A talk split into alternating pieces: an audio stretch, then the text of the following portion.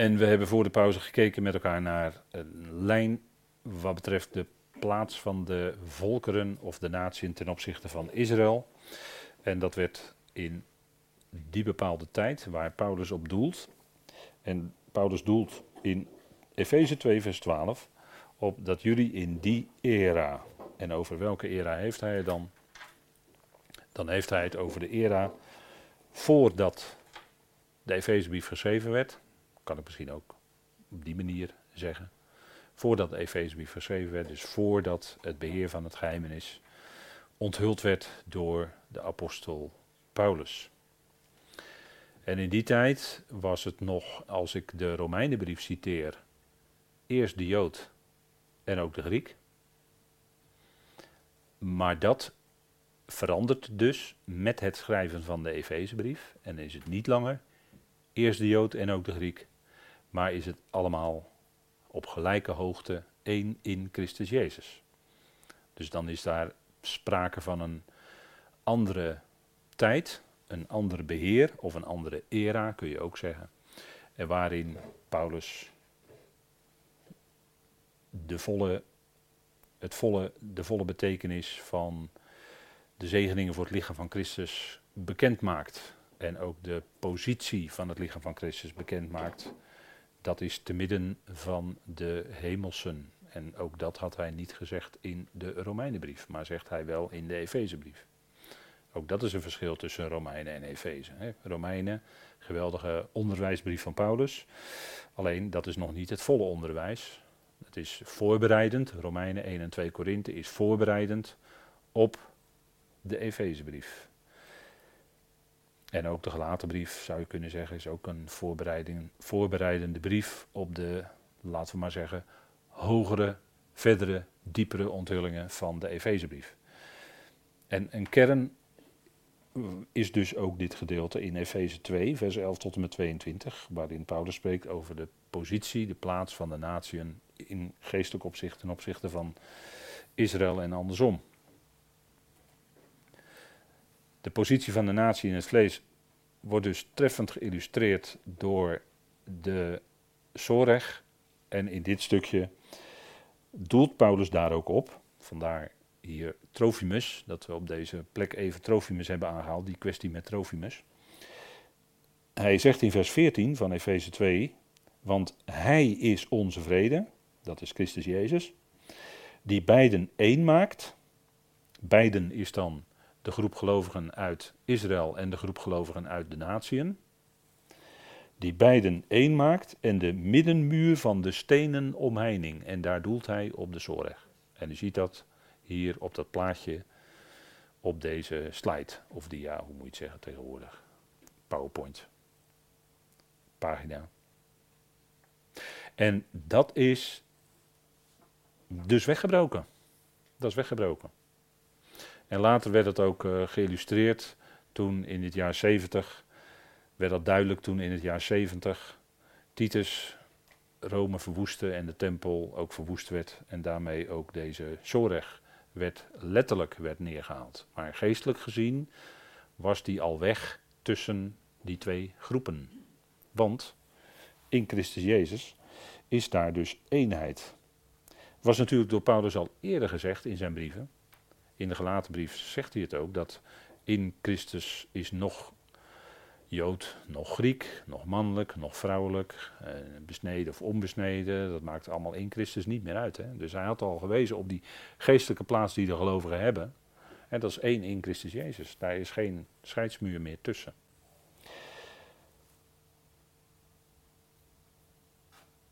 Hij zegt dan ook in vers 13, nabijgekomen door of letterlijk in het bloed van Christus. De vijandschap in zijn vlees is weggebroken en dat is natuurlijk ook de diepe betekenis of de, het gevolg van de kruisiging van onze Heer. Daarin is de vijandschap ook weggedaan. Daarmee is ook vrede bewerkstelligd, verzoening. Tussen die twee groepen, die beiden één maakt. Contrast, dus in die era en nu. Dat is het grote verschil. Hè? En dan zegt hij in vers 12. dat jullie, dat zijn dus de natieën, gelovigen uit de natieën, in die era los van Christus waren. Waarom kan hij dat zo zeggen? Want hij zegt van ja, maar in die era waren die mensen waar het hier over gaat, die gelovigen, waren al gelovig. Dat klopt. Ze waren ook al gezegend met geestelijke zegeningen. Gerechtvaardigd, verzoend. En alles wat daarbij hoort. Ze hadden al geestelijke zegeningen ontvangen. Ze waren al gelovigen. En hoe kan Paulus dan hier toch zeggen? In die era waren jullie los van Christus. Hoe moet je dat zien? Want zijn toch gelovigen? Je bent toch in Christus als gelovige? Het punt is, het punt is dat het hier gaat om de situatie in die era van de natieën in het vlees. Dat is het punt. Het is de situatie in het vlees. Toen waren ze los van Christus. Hoewel ze wel gelovigen waren en hoewel wel gezegd werd in de Romeinenbrief dat ze in Christus zijn enzovoort. Maar in het vlees gezien waren zij los van Christus, los van de Messias van Israël. Want die was de zoon van David, dienaar van de besnijdenis. Hij deed voetstappen op aarde om de belofte van de vaderen te vervullen. Dat had allemaal te maken met Israël. Daar, daar, hè, dat, dat, uh, ik heb een paar opmerkingen dan op deze dia gezet. Daar aan die specifieke zaken, dat hij zoon van David is, dienaar van de besnijdenis enzovoort. Daar hadden de natieën, hoewel zij in hem geloofden, geen deel aan. Want dat was in het, een zegening in het vlees. Dus in die era, waar het, wel, waar het hier over gaat, wel gelovigen, maar toch los van Christus, als je kijkt naar de vleeselijke positie die ze hadden. Dat was nog steeds in het vlees, dus ook los van Christus. Goed bedenken, hè? En, dat is, en dit maakt het dat hier wordt vaak aan voorbij gelezen dat in het vlees en die besnijdenis die aan het vlees, en dat zegt Paulus, dat is natuurlijk, Paulus werd zo geleid om het zo te formuleren, dat is natuurlijk niet voor niks. Omdat hier heel scherp onderscheid wordt gemaakt tussen wat was nou die plaats van die gelovigen toen in die era in het vlees, even afgezien van dat ze toch al geestelijke zegeningen hadden in Christus. Die twee dingen, dat die naast elkaar bestonden, dat onderscheid, dat wordt door mensen niet, vaak niet gezien, door geloven vaak niet gezien. En daardoor komt men in verwarring en kan men dit gedeelte niet goed begrijpen. Het gaat niet, je denkt al heel snel, als je het zo leest, denk je al heel snel, oh, maar dat was de situatie toen wij nog ongelovigen waren. Nee, in die era ging het erom, wat was hun positie van die volkeren in het vlees. En toen waren ze los van de Messias hadden geen verbinding. Israël wel. Want Israël kan terecht zeggen: ja, uh, de Heer is naar het vlees uit ons midden afkomstig, uit de stam van Juda. Ze kunnen de stam zo aanwijzen. Hij was bestemd voor koning, hij was zoon van David. Maar daar hadden de natie geen deel aan. Nee, zoon van David, dat is de koning van Israël.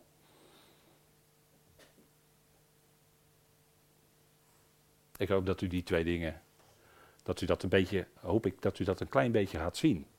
Het is uh, laat op de avond, het is bijna half tien.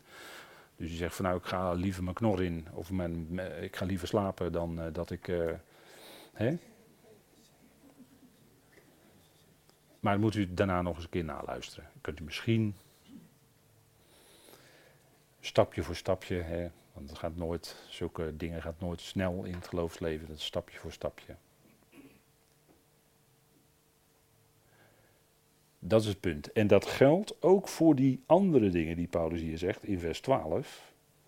Los van Christus dus, situatie, ja, van de gelovigen, in die era, voor het geheimenis, onthuld werd, in het vlees.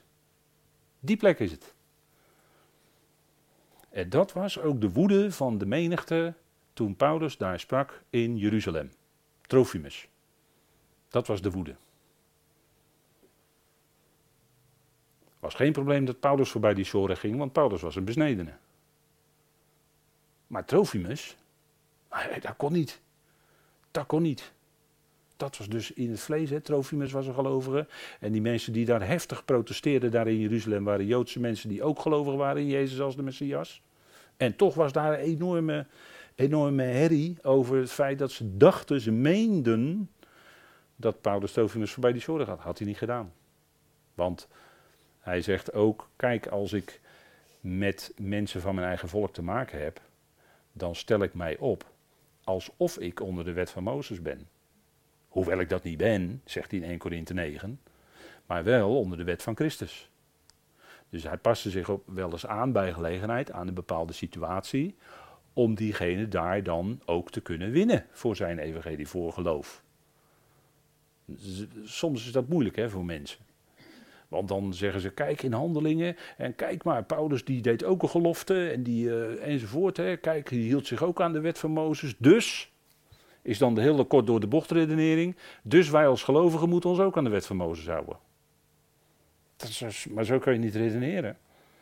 Dan moet je ook meewegen wat Paulus in zijn brieven allemaal zegt. En als je dat niet meeweegt, ja, dan kom je verkeerd uit. Dat is, dat is het probleem. En dat is dus hier aan de hand.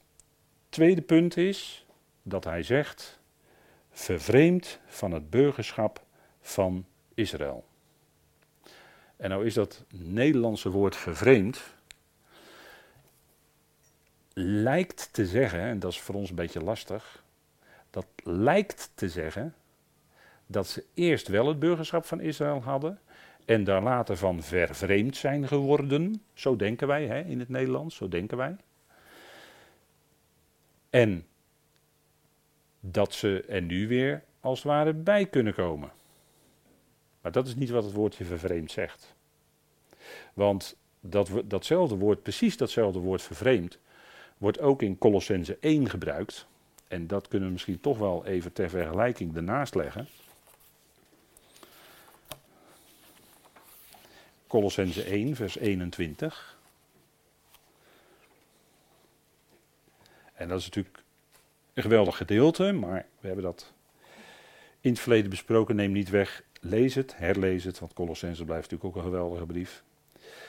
In vers 21 zegt Paulus, ook jullie, en dan heeft hij het over die Colossensen, die eens vervreemd waren en vijanden in denkwijze en in boze werken, verzoent hij nu echter wederzijds in het lichaam van zijn vlees door zijn dood.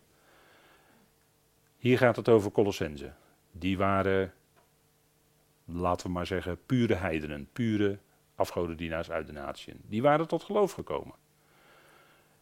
In die oude situatie dat zij nog niet geloofden, daarvan zegt Paulus, jullie waren vervreemd. Vreemd aan of ten opzichte van God vervreemd. En dat was ook de situatie geworden vanaf Adam, dat die natie allemaal van origine af vervreemd waren geraakt van God. En ze dienden allemaal afgoden. Maar dat wil niet zeggen dat die Colossensen zelf eerst wel bij God hoorden en van God vervreemd waren geraakt. En nu door de prediking weer bij God terugkwamen. Zo moet je dat niet lezen. En zo ook moet je Efeze 2 niet lezen. Dat die natieën vervreemd waren van het burgerschap van Israël, wil nog niet zeggen dat zij daarvoor wel bij dat burgerschap van Israël hoorden. Even, maar even, dat woord vervreemd lijkt dat te zeggen in onze gedachten. Dus dat wil ik proberen bij u even te corrigeren. Want dat is een misvatting als u zo zou denken. Want dan kom je ook in je begrijpen van dit stukje weer verkeerd uit dat is, uh, ja, het woord vervreemd heeft in de grond te maken met verandering. je, je, was anders, je had, niet, uh, je had geen deel aan het burgerschap van Israël. Je was uit de natieën. Dus het was een andere situatie, of een veranderde, een aan verandering onderhevige situatie, maar zeker niet van geboorte bij Israël horend. In die zin vreemd. Van het burgerschap van Israël. Dat was de situatie in het vlees.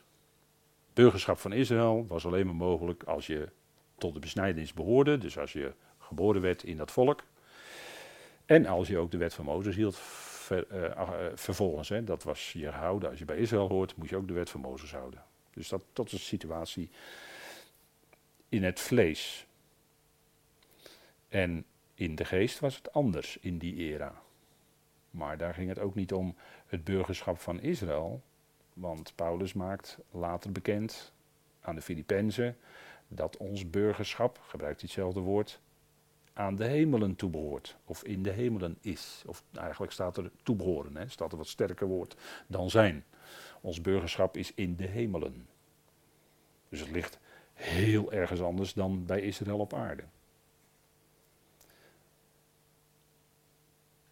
Dat is het tweede wat hij noemt. Hè. Dus nogmaals, elke keer is het voor jezelf goed, als je leest bij elk punt wat Paulus noemt, om even voor jezelf te zeggen, in het vlees, vervreemd van het burgerschap van Israël. Elke keer even herhalen in het vlees. En ook zo geldt dat voor het volgende punt wat hij noemt. Gasten van de verbonden en de beloften. Als je in gedachten even leest. In het vlees. Gasten van de verbonden die bij de belofte behoren. En de belofte ja, waar zou je dan aan kunnen denken? Je zou misschien kunnen denken aan de belofte die aan Abraham gegeven was. Dat in jouw Abraham en in jouw zaad, in jouw nakomelingen, alle geslachten van de, van de aarde gezegend zullen worden. Daar zou je dan aan mogen denken. En dat resulteerde ook in bepaalde specifieke verbonden die de Heer met Israël sloot. ik heb een aantal hier genoemd. Het Davidische verbond, maar in het vlees hebben wij daar geen deel aan. Oud en, het oude en het nieuwe verbond, wij hebben daar geen deel aan. En dat is ook verwarrend voor mensen, want er wordt nog wel eens gepredikt dat gelovigen van nu deel hebben aan het nieuwe verbond. Maar dat is niet zo, want dan ga je toch weer eventjes op de plaats van Israël staan. Dat kan niet. Het nieuwe verbond, en dat is natuurlijk Jeremia heel duidelijk, sluit God met het huis van Israël en met het huis van Juda. Ik bedoel, uh, wil, je duidelijkheid hebben? Nou, dan moet je dat lezen.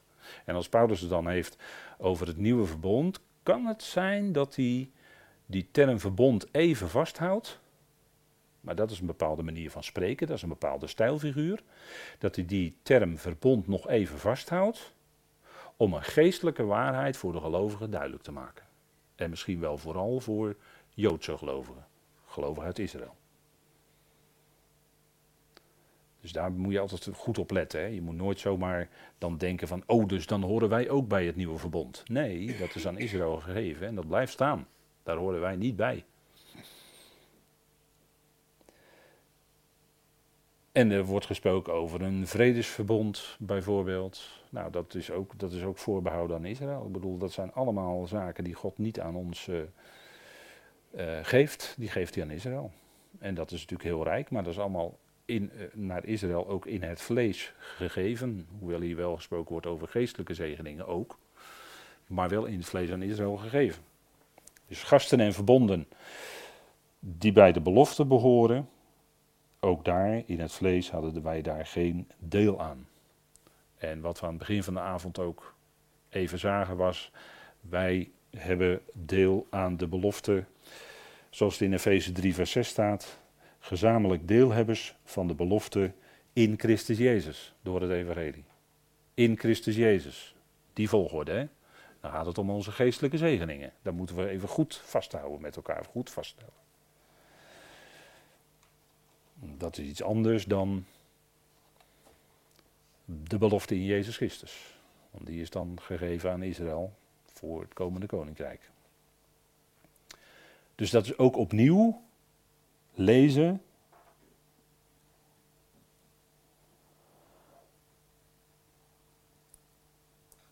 In het vlees gasten van de verbonden die bij de belofte behoren. En dan ook in het vlees geen verwachting hebbend. En dan zegt u ja, maar de gelovige had toch wel een verwachting. Ja, maar dat uh, veranderde toch. Ook zelfs in die era was dat al een andere verwachting voor het lichaam van Christus geworden. In die era.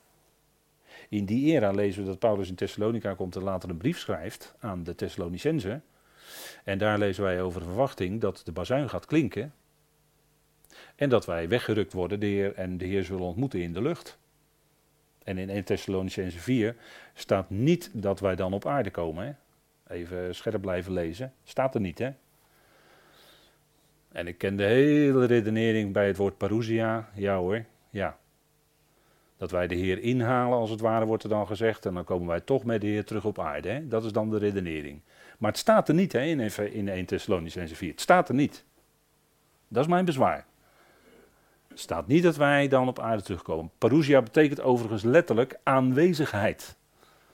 Hij is aanwezig dan in de lucht. Paulus heeft het ook op een gegeven moment in een brief heeft hij het over zijn parousia, zijn aanwezigheid en zijn afwezigheid. En dan gebruikt hij tegenovergestelde term apousia. Dat is dan afwezigheid. Dus het wil, wil zeggen in de kern, letterlijk het Griekse woord is dat de Heer dan aanwezig is in de lucht, dat is zijn aanwezigheid. En wij worden weggerukt. Dat is wat er staat. Wij zijn dus passief daarin. En in de vertaling wordt een andere indruk gewekt. Want in de vertalingen staat dat wij hem tegemoet gaan. Alsof wij actief hem tegemoet gaan. Staat er niet hoor. Er staat harpazo in het Grieks, dat betekent weggerukt. En in die vorm die daar staat, weggerukt worden. Wij zijn passief. Hij trekt ons heel snel naar zich toe. En wij ontmoeten hem daar in de lucht. En er wordt niet gezegd dat wij op aarde terugkomen. Dat staat er niet. Dat is mijn bezwaar. En een ander parousia-moment, maar dat is ook een hele andere context, is Matthäus 24. Dat is ook zijn parousia, maar dan is het op de Olijfberg, waar Zacharia van gesproken had. Maar dat is een andere context. Je moet de dingen niet uit zijn tekstverband halen, allebei en dan bij elkaar plakken en dan zeggen, want dan ga je redeneren. Kan je niet doen. Je moet alles in zijn, in juiste tekstverband laten staan waar het in staat. Matthäus 24 komt de zoon des mensen, als we over titels hebben, komt hij als de zoon des mensen. En in 1 Thessalonicense 4 komt hij als de Curios, andere titel, moet je opletten. Moet je opletten. Dus dat zijn andere tekstverbanden en andere situaties. Matthäus 24 komt hij voor Israël. En dan zal hij zijn boodschappers uitzenden met luid bazuingeschal. En die zullen zijn uitverkorenen, van Israël dus, verzamelen uit de vier windstreken en naar Israël brengen. Dat is wat dan gaat gebeuren. Dat is de alia van de schrift. En je kunt dus niet zeggen dat, want dan ga je, wat, wat ga je dus doen? Dan ga je dus die verwachting in het vlees van Israël, ga je koppelen aan onze verwachting die boven is, geestelijk, te midden van de hemelsen. Die ga je aan elkaar koppelen en dan krijg je verwarring. Wat over wat ik, wat ik nu vertel in een paar minuten, daar is zoveel over gediscussieerd. Daar is zoveel ruzie over gemaakt onder christenen. Dat wil je niet weten. Maar als je gewoon volgt de tekst, als je de tekst volgt en je laat de dingen staan in hun verband waar ze in staan, dan kom je eruit. En het gaat niet aan om zelf te zeggen het is hetzelfde begrip. Want dan kunnen we ook nog wel het gaan hebben over de epifania van Christus, over de verschijning. En ook daar is veel over gebakkeleid hoor, onder christenen. Denk erom van yes. En daar worden ook weer hele leringen aangekoppeld. Maar dat kan je niet doen. Je moet alles in zijn tekstverband laten staan. Wie zegt het? Gaat het over de brieven, komt uit de brieven van Paulus? Ja, dan hebben we het over een andere verwachting dan, als, dan wanneer het gaat over Israël. Matthäus sluit gewoon aan bij Tenach. Dat mogen duidelijk zijn. Matthäus 24 sluit gewoon één op één aan op Zacharia 12, Zacharia 14. Dat zijn gewoon bekende dingen. Dat is helemaal geen probleem. Maar je moet het wel laten staan. En niet de zaken gaan verwarren. Kijk, de verwachting van Israël in het vlees is, de Messias Jezus zet zijn voeten op de olijfberg. hij is die steen van Daniel 2 vers 44, die zonder handen wordt losgemaakt. En hij zal, hij zal, zijn koninkrijk zal de hele aarde vullen, jazeker. Dat is wat gaat gebeuren. Maar dat is de verwachting van Israël in het vlees. Daar hebben wij dus geen deel aan. Want in het vlees, staat er in die era, hadden we geen verwachting. Waarom kan Paulus dat zeggen? Nou, dat zegt hij omdat die gelovigen van die era ook al niet de verwachting hadden van dat de Heer zijn voeten zou zetten op de Olijfberg. Zelfs in die era hadden de gelovigen die verwachting al niet. En nu, eh, nu wordt bekend, aansluitend in de Efezebrief op 1 Thessalonicense 4, wordt bekendgemaakt waarom die gelovigen dan weggerukt worden van de aarde door de Heer. Dat zei Paulus nog niet in 1 Thessalonicense 4. Maar dat zegt hij wel in de Efezebrief. Wij worden weggerukt om te midden van de hemelsen onze bediening in te gaan. Dat is logisch. Want dat is dezelfde Paulus die dat allemaal schrijft.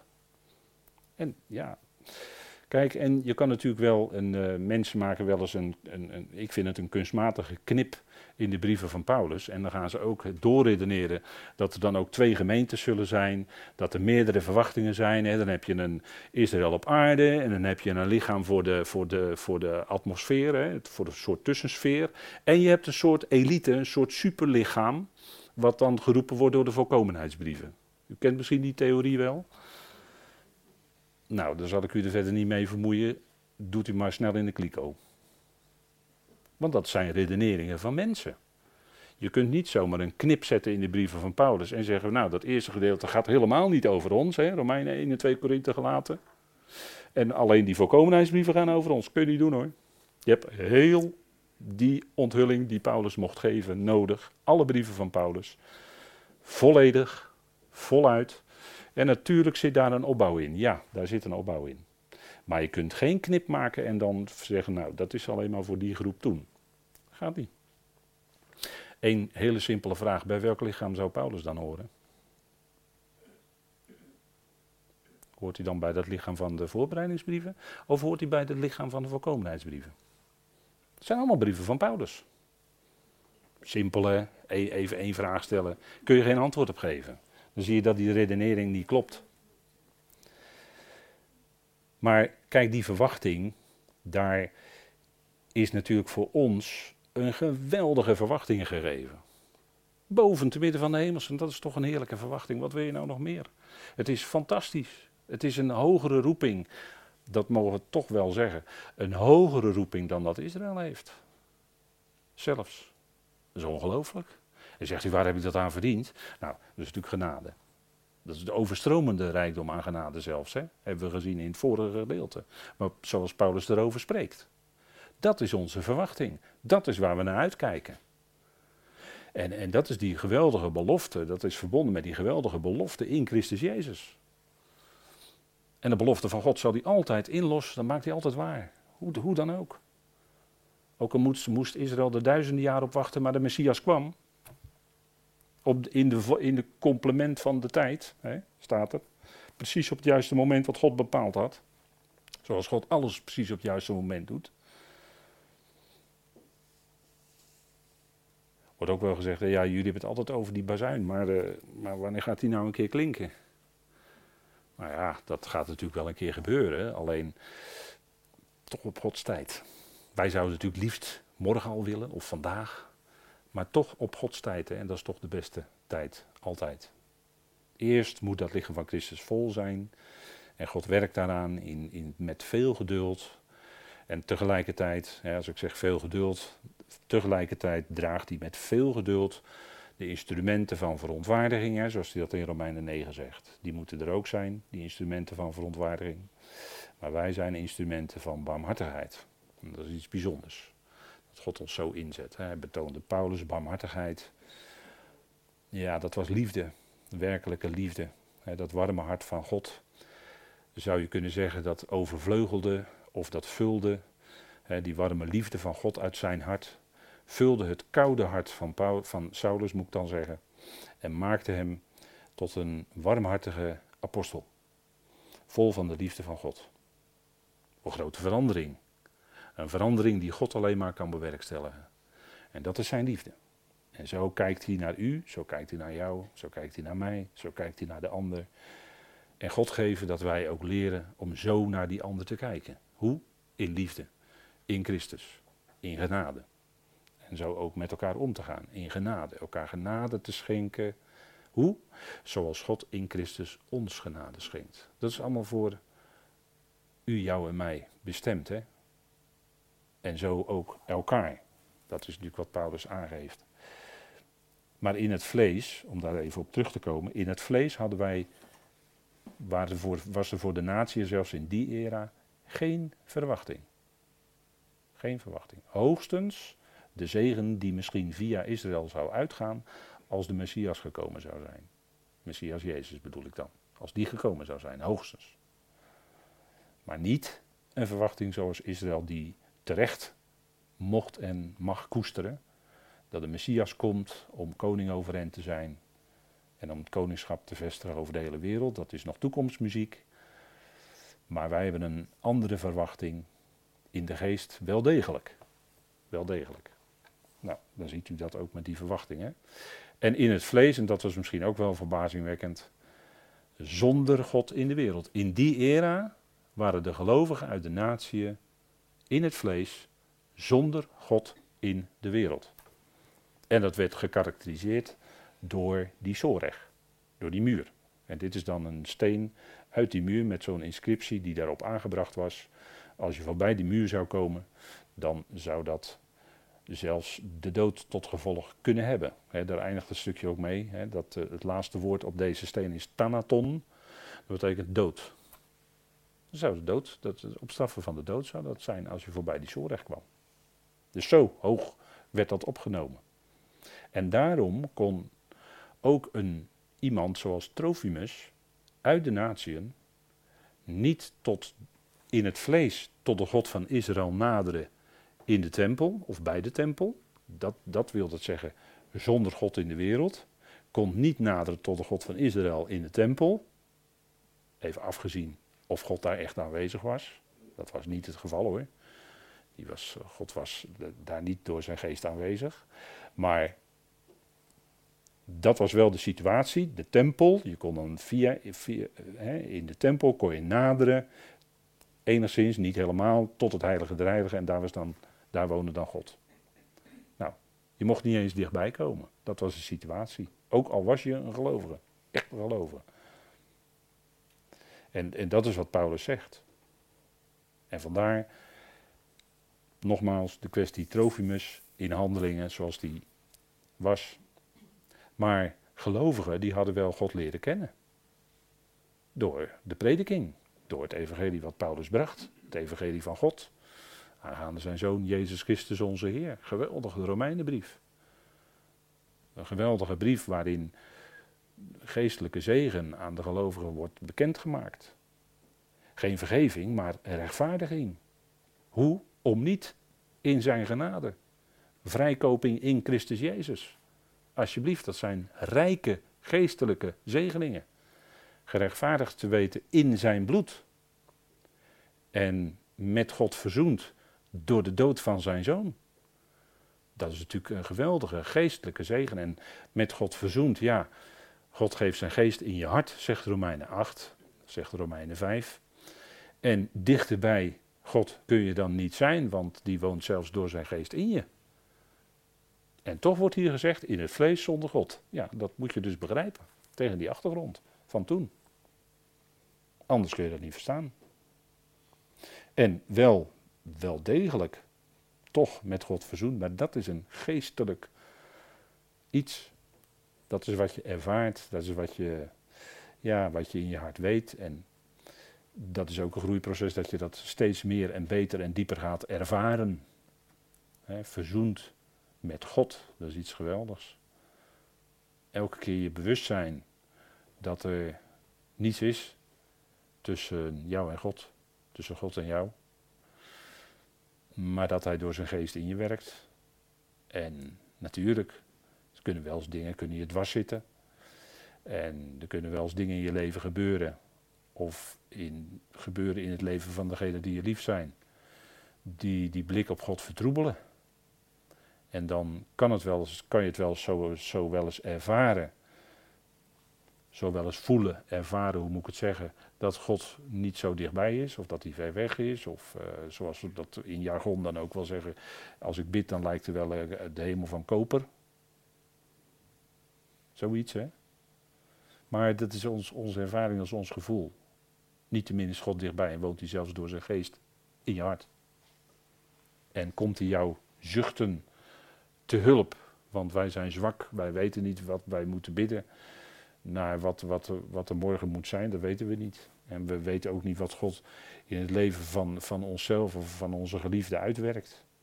Of van andere gemeenteleden of van noem maar op. Dat weten we allemaal niet. Daarin zijn we zwak. En weten we niet wat we moeten bidden. En die geest nogthans, nogthans komt ons te hulp in onze zwakheid. Die kent ons hart, weet wat in ons hart is, weet wat we willen bidden. Ook kunnen we dat niet eens onder woorden brengen. Dat is zijn liefde, dat hij dat gegeven heeft. En die geest, daar zijn we mee verzegeld, die gaat nooit weg. We kunnen wel eens ervaren, alsof God er verder weg is of wat ook. Of druk, verdrukking, benauwdheid, hoe moet ik het noemen? Kwaad lijden. Kwaad lijden, kan ook hè. Paulus zegt zelfs tegen Timotheus, leid kwaad met mij in het evangelie of voor het evangelie, in de kracht van God. Dat, is, dat gebeurt. Kijk, als je het evangelie van Paulus volgt en blijft volgen, kan het zijn dat je kwaad overkomt, dat je kwaad wordt bejegend of kwaad wordt aangedaan of hoe moet je dat ook zeggen, je wordt onder druk gezet of je wordt weggedrukt of uh, noem maar op. Overkwam Paulus allemaal, maar hij zegt tegen Timotheus in de tweede brief, een paar keer zegt hij, uh, Timotheus leidt kwaad met mij als een ideale soldaat, noemt hij notabene, van Christus Jezus. Moet je nagaan ja, dat is, dat is je, je zou denken, ja, het is zo'n fantastisch evangelie. Daar, staan, daar zit iedereen op te wachten, maar het blijkt helemaal niet zo te zijn. Heel veel mensen zitten daar helemaal niet op te wachten. Vaak, helaas, helaas moet ik zeggen, uh, gelovigen ook wel eens niet. Die zitten er ook wel eens niet, die, die nemen daar toch afstand van. Evangelie, goede nieuws, wat Paulus mocht brengen. Die nemen het jou kwalijk als je het hebt over het evangelie van Paulus omdat je die naam erbij noemt misschien. Terwijl Paulus drie keer in zijn brieven zegt, het is mijn evangelie. Hij mocht dat zeggen, hij kon dat zeggen als apostel, mijn evangelie. Zegt hij drie keer. Dus als wij het dan hebben over het evangelie van Paulus, is dat toch terecht. Daar is toch niks mis mee. En natuurlijk had hij het ontvangen van Christus Jezus, natuurlijk. Maar om het onderscheid goed aan te geven, en daar zit natuurlijk dan de bottleneck, of daar zit dan de irritatie bij anderen, ja, dat maakt, dat maakt natuurlijk onderscheid. Dat je een evangelie hebt wat Paulus verkondigt. En je hebt een evangelie van de besnijdenis, wat Petrus en de apostelen verkondigen. En dat evangelie geldt vandaag niet. En dat, dat, is moeilijk natuurlijk. Ja, en dat levert je dan wel eens geestelijk gezien misschien de stenen op die gegooid worden. Kwaad lijden met het evangelie. Dus als je dat overkomt als gelovige, moet je niet gek opkijken. Ik zeg niet dat het makkelijk is, dat is heel wat anders. Maar als het gebeurt, daar moet je niet gek op kijken. Dat is wat, als je het volgt hè, en blijft volgen. En dan sluiten we vanavond hiermee af. Kijk, we hebben nu gesproken over in het vlees. En wat dan niet het deel was van de gelovigen in die tijd, in die era. Maar nu, in de geest, als we het daarover hebben, dan zijn we in Christus gezegend met iedere geestelijke zegen te midden van de hemelse. En daar gaat de Efezebrief over. Dus we zijn rijk gezegend, hoewel een aantal dingen in het vlees, ja, die hebben met Israël te maken. Dat is aan hun gegeven, dat is hun rijkdom. Maar de geestelijke rijkdom die wij hebben mogen ontvangen in Christus Jezus, ja, dat is heel bijzonder, denk ik. Heel bijzonder. Nou, laten we God daarvoor danken.